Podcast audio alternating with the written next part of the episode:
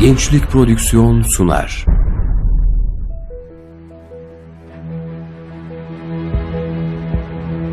Bizim davamız İslam'dır. Gayemiz Allah'ın rızasını kazanmaktır. Hedefimiz hak nizamını hakim kılmaktır. Arzumuz tüm insanlığın saadetidir. Yolumuz ikna metodudur, cihattır. Bu dava için çalışmak herkese nasip olmaz. İster gecenizi gündüzünüze katarak çalışın, ister yan gelip yatın. Bu hak davanın başarısını ne bir gün öne alabilirsiniz ne de bir gün geciktirebilirsiniz. Bütün mesele bu şerefli davada nasıl bir imtihan vereceğinizdir.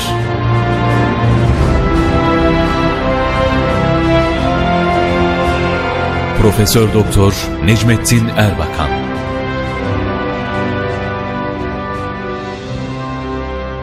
Davam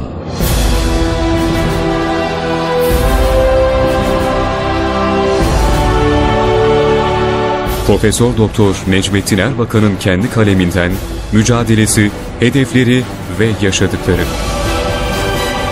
Seslendiren Arif Bildirici. Kayıt montaj Ali Güngör.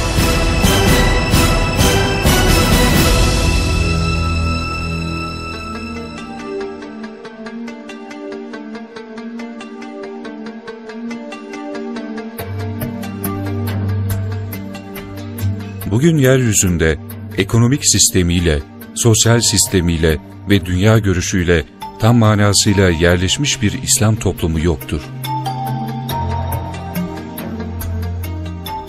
Ama bunun fiilen mevcut olmaması, Müslümanlığın hakikaten en ideal sistemi getirdiği gerçeğini ortadan kaldıramaz.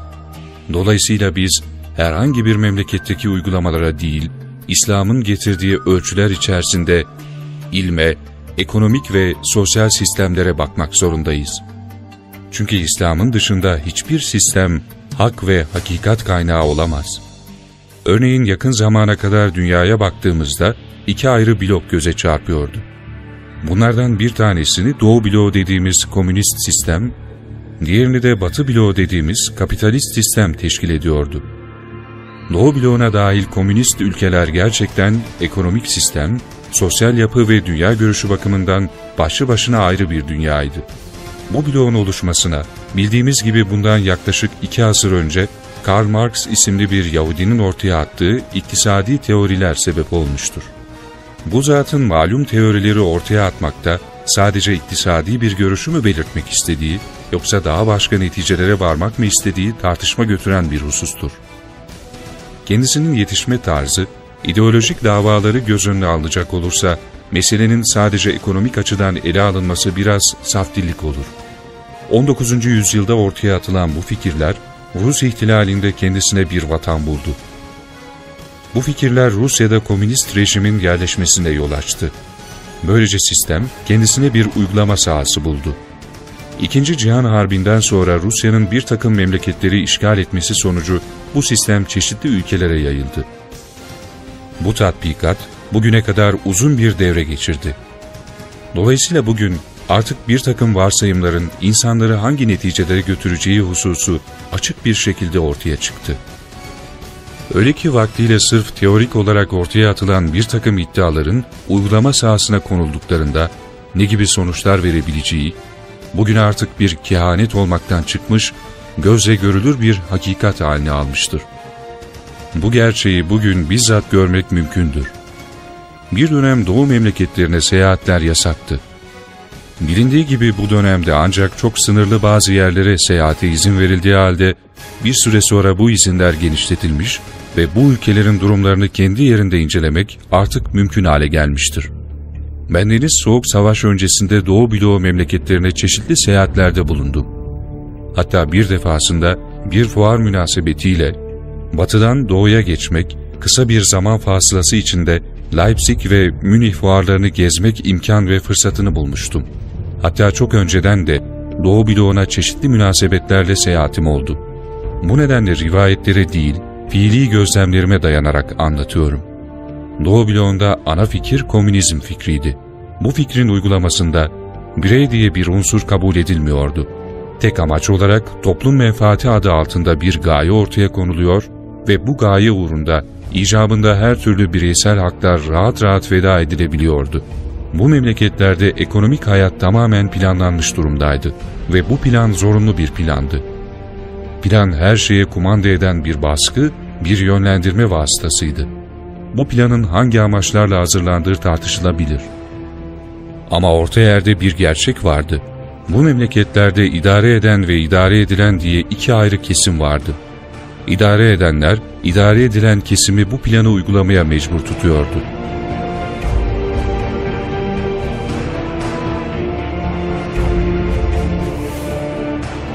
Doğu bloğunda kar kavramı yoktu. Mülkiyet kavramı yoktu. Mal ve para toplumundu. İnsanlar ancak asgari ihtiyaçları kadar bunlardan faydalanabilirlerdi. Yaşamak için asgari gerekli olan miktarın fazlası mutlaka topluma aitti. Dolayısıyla insanlar daha fazla çalışıp daha fazla kazanmak istedikleri zaman kazanacakları bir şey yoktu. Elde edebilecekleri her şey sınırlandırılmıştı. Fazla üretim cemiyetin malıdır denilir ve üretimi yapanın elinden alınırdı. Kimsenin malı mülkü yoktu. Taksi şoförü kendi taksisinde bir memurdu, sürücüydü. Herkes evinde kiracıydı ve bir şeye sahip olmak isteseniz olamazdınız. Bu durum doğal olarak toplumda çok önemli sonuçlar doğurmuştu. Böyle bir durum insan fıtratına, yaratılışına uygun olmadığından toplum hayatında aksaklıklar yaşanmaktaydı. O dönemde Batı Berlin'den Doğu Berlin'e geçişimiz esnasında gördüğümüz manzara şu oldu. Doğu Berlin'de şehir sanki alarm düdüğü çalmış gibi herkes mahzenlere kapanmış. Caddelerde ancak 3-5 kişi ya var ya yok. İnsanların yüzü gülmüyor. Vitrinler fevkalade sönük. Eşyalar üst üste atılmış durumdaydı. Bu manzaranın rejimin doğal bir neticesi olarak karşılanması gerekir. Çünkü o vitrini hazırlayan insanın daha iyi hazırlamakla elde edeceği bir sonuç yoktur. Bütün mesele kendisine verilen görevi şeklen yapmış görünmesinden ibarettir. İnsanı daha iyiye, daha güzele, daha yükseğe yöneltecek sebepler mevcut değildir. Çünkü yaptığı işi daha iyi yapmakla bireyin elde edeceği hiçbir ilave sonuç yoktur. Bu memleketlerde bazı evler inşa edildiğini gördük. Nitekim bizleri de gezdirdiler, bunları gösterdiler. Yalnız bunlar gerçekte bir takım mecburiyetlerin sonucu ortaya çıkmıştır. İnsanın kendi insanlığını duyarak, şekle yaparak şu eser benimdir, şu neticeyi ben yaptım diyebileceği bir eser yoktu. Elde edilen neticeler, insanoğlunun yaratılışına uygun olmayan ve dolayısıyla her türlü duygudan yoksun, bir nevi makineleşmiş mekanik hareketlerin toplamı ruhsuz sonuçlardı. Evler yapılmış fakat 6 çocuklu bir aileye 48 metrekarelik yer reva görülerek yapılmıştır. Fabrikalar yapılmış fakat bu fabrikalar üretimi artırsın, refah seviyesini yükseltsin, dolayısıyla fertlere bir şey getirsin diye değil, idare eden zümreye yeni imkanlar doğsun diye yapılmıştır. Bu görüş tarzının insan saadetine vurduğu darbeyi her köşede, her bucakta ve her çerçevede görmek mümkündür. Aslında bu rejim, işçiye refah getirmek için ortaya çıktığını iddia eden bir rejimdi. Halbuki gerçekte işçiye de bir refah getirmemişti, işçinin bir takım haklarını gasp etmek ve onun normal ihtiyaçlarını karşılayamadığı halde işçiyi baskı altında tutma uygulaması içerisindeydi. Bu memleketlerde işveren ve devlet aynı kimsedir. İşçinin kendisine uygulanan ücret sistemine itiraz makamı yoktu. İşveren ve devlet aynı kimse olduğu için tüm sınıfsızlık iddialarına rağmen bu rejimdeki insanlar arasında da yine idare edenler ve idare edilenler zümresi doğal olarak oluşmuştu.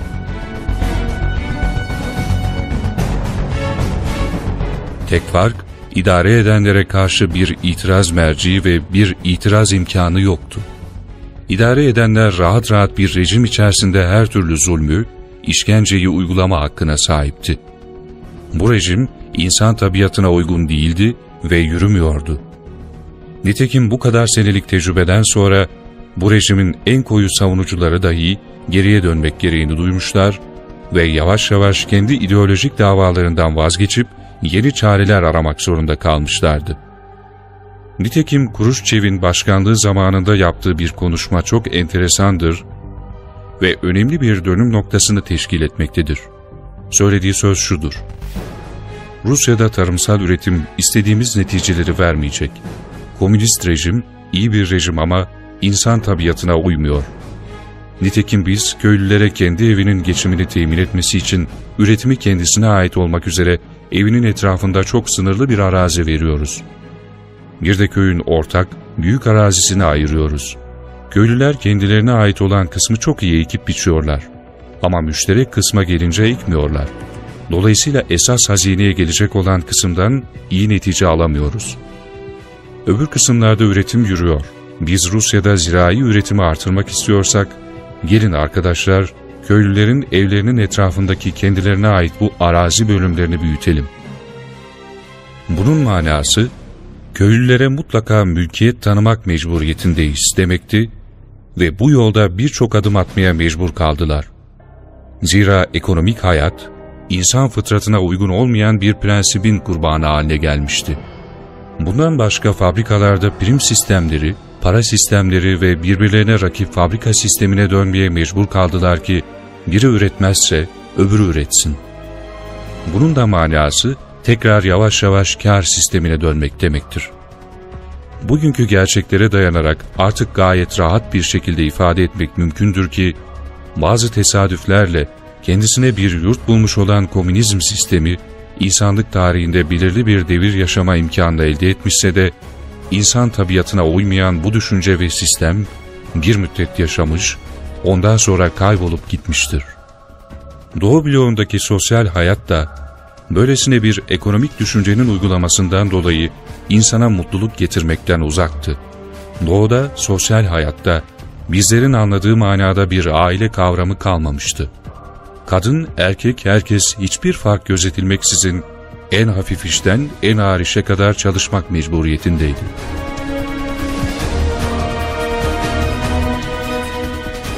Çocuklar aslında ailenin sayılmazdı.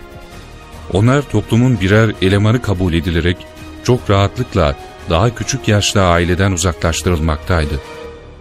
Özel yetiştirme yerlerinde şöyle terbiye edersek topluma daha faydalıdır, böyle terbiye edersek daha faydalıdır gibi yaklaşımlarla yetiştirme kamplarına gönderilmekteydi.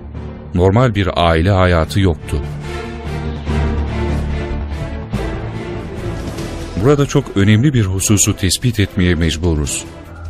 Mutlak manada bir takım değer yargıları ve yüce kavramlar tamamen değersiz sayıldığı için toplumda bir huzur ve manevi tatmin durumu mevcut değildi.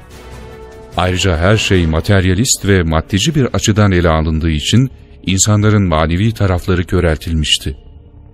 Doğu bloğu ülkelerine yaptığımız seyahatlerde bir nevi robotlaşmış kimselerin içine düştüğümüzü hissettik.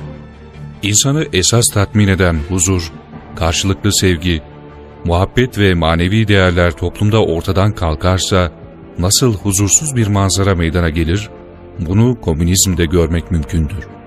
Ahiret kavramına kendi düşünce sisteminde katiyen yer vermediği için her şey bu dünyada gelip geçici ölçülere göre düzenleniyordu. Gelişmiş, olgun bir insanın böyle gelip geçici şeylerle tatmin olmasına imkan yoktur.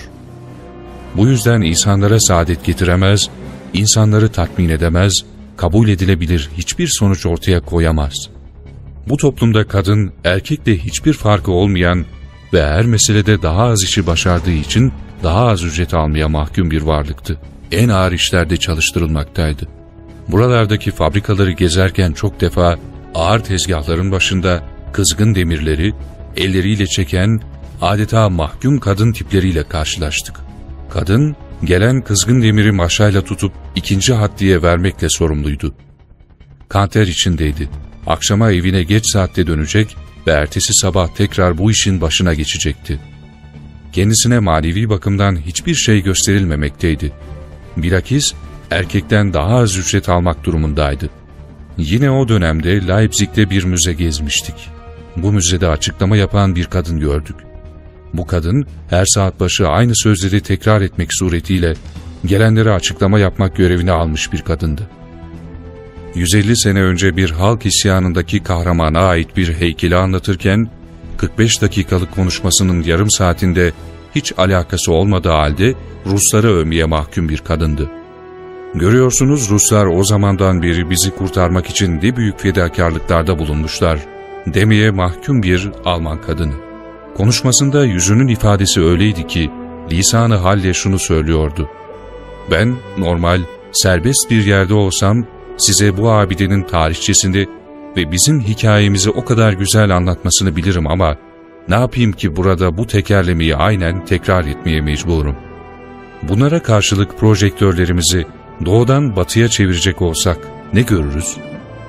Batıyı aynı ölçüler içinde ele aldığımız zaman görünüşte doğunun tersi bir manzara arz eder. Batıda mülkiyet esası vardır. Bir kar sistemi söz konusudur. İnsanlar kendileri için bir takım sonuçları elde edebilirler ve bunlarla diledikleri şeylere sahip olabilirler. Batıda kapital vardır ve para parayı çeker. Kuvvetli kapital, kuvvetli kazanç demektir. İnsanlar diledikleri kadar eşyaya, mala mülke sahip olabilirler. Bu durumun verdiği çok faydalı bir sonuç var, o da insan tabiatına, insan şevkini çalışmaya sevk ettiği için batıda üretim fazladır. Bu fazla üretim daha fazla kazancı ve daha yüksek hayat standardını getirmiştir.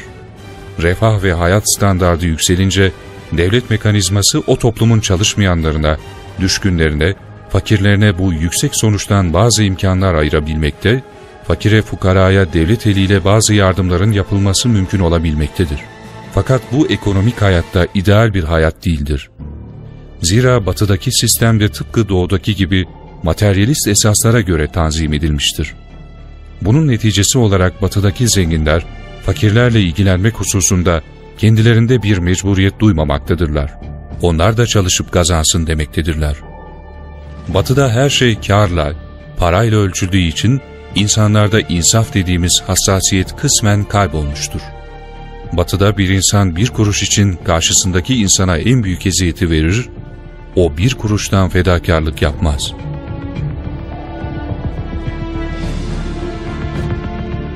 Batı'da gerçekten materyalist bir ortam ve insaf bakımından körelmiş bir yapı vardır.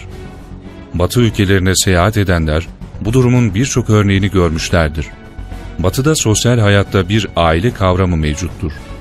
Herkes çoluk çocuk sahibidir ve bunlarla oluşmuş düzenli bir aile sistemi vardır. Ancak bu tam saadet getirecek bir yapı içinde değildir. Çünkü Batı mutlaka kadının da erkek gibi aynı şartlarda çalışmasını mecburi görmektedir. Ailede her iki tarafta tamamen eşit şartlarda çalışmaya mecburdur. Kadın da çalışabilir bir unsur kabul edildiği için onun da çalışıp kendisine kazanç temin etmesi mecburi görülür ve kadınla erkeğin çalışma hayatında her yerde tamamen eşit oldukları iddia edilir. Kadın mutlaka gelir getirmelidir. Gelir getirmediği takdirde kendisine küçük bir unsur gibi bakılmaktadır.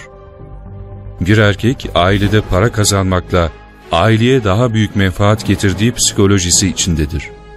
Bu hakiki saadete geniş ölçüde mani olmaktadır. Batının düşünce sistematiği kadına, onun fıtratına uymayan bir takım mecburiyetler ve yükümlülükler yüklemektedir. Dolayısıyla batıdaki kadının mesut bir kadın olarak kabul etmemiz mümkün değildir. Sovyet bloğuyla mukayese ettiğimiz zaman sadece refah düzeyi daha iyi durumdadır. Bu iki sistemden bahsettikten sonra belirtmek gerekir ki kadının da gerçek yeri Müslümanlıktır. Müslümanlığın kendine has gelişmiş bir ekonomik sistemi de mevcuttur. Bu ekonomik sistem ne doğudaki sistemdir ne de batıdaki sistem. Çünkü Müslümanlık daima maddiyatla maneviyatı birbirine paralel yürütmüştür. Bundan dolayı Müslümanlıkta hem maddiyat vardır hem de bununla beraber her zaman her yerde hiç ayrılmayacak şekilde maneviyat vardır. Müslümanlığın ekonomik sistemi maddiyata saygılıdır. Herkesin malı, mülkü vardır ve herkesin malı mülkü kendisine aittir, korunandır, kimsenin buna yan gözle bakmaya hakkı yoktur. Ve bu hak o kadar mühim bir şeydir ki, Peygamber Efendimiz aleyhissalatu vesselam birçok tavsiyesinde bana ahirette geldiğinizde başka türlü kusurla, günahla gelin ama kul hakkıyla gelmeyin buyurmuştur. Bunun manası başkalarının her türlü mal, para vesaire gibi haklarına son derece riayetkar olmamızın gerekli olduğudur. Müslümanlık aynı zamanda kâra ve kazanmaya da büyük yer vermiştir. Çünkü Peygamber Efendimiz aleyhissalatu vesselam, veren el, alan elden üstündür buyurmuştur. Bunun manası, her Müslüman kazanmak için çalışmak ve başkalarına yardım etmekle görevlidir.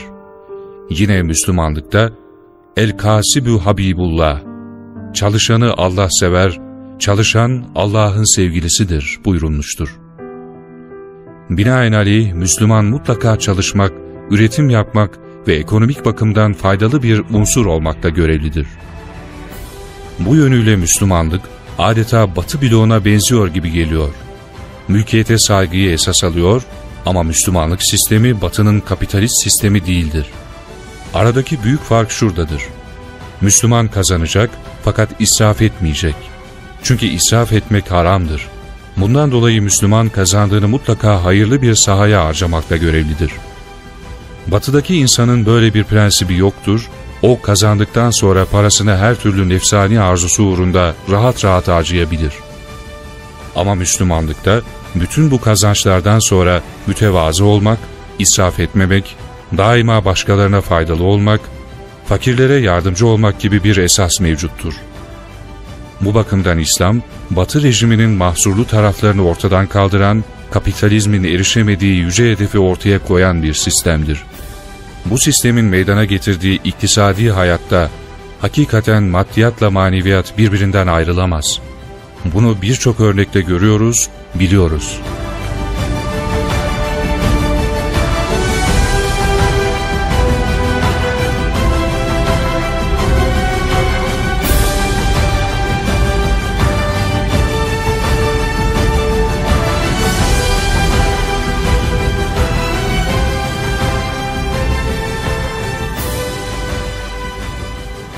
Davam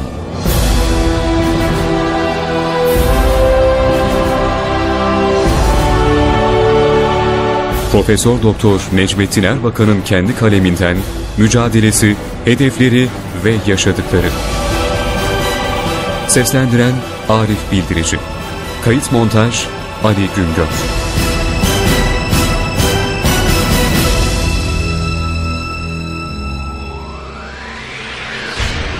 Gençlik Prodüksiyon sundu. 0332 350 7801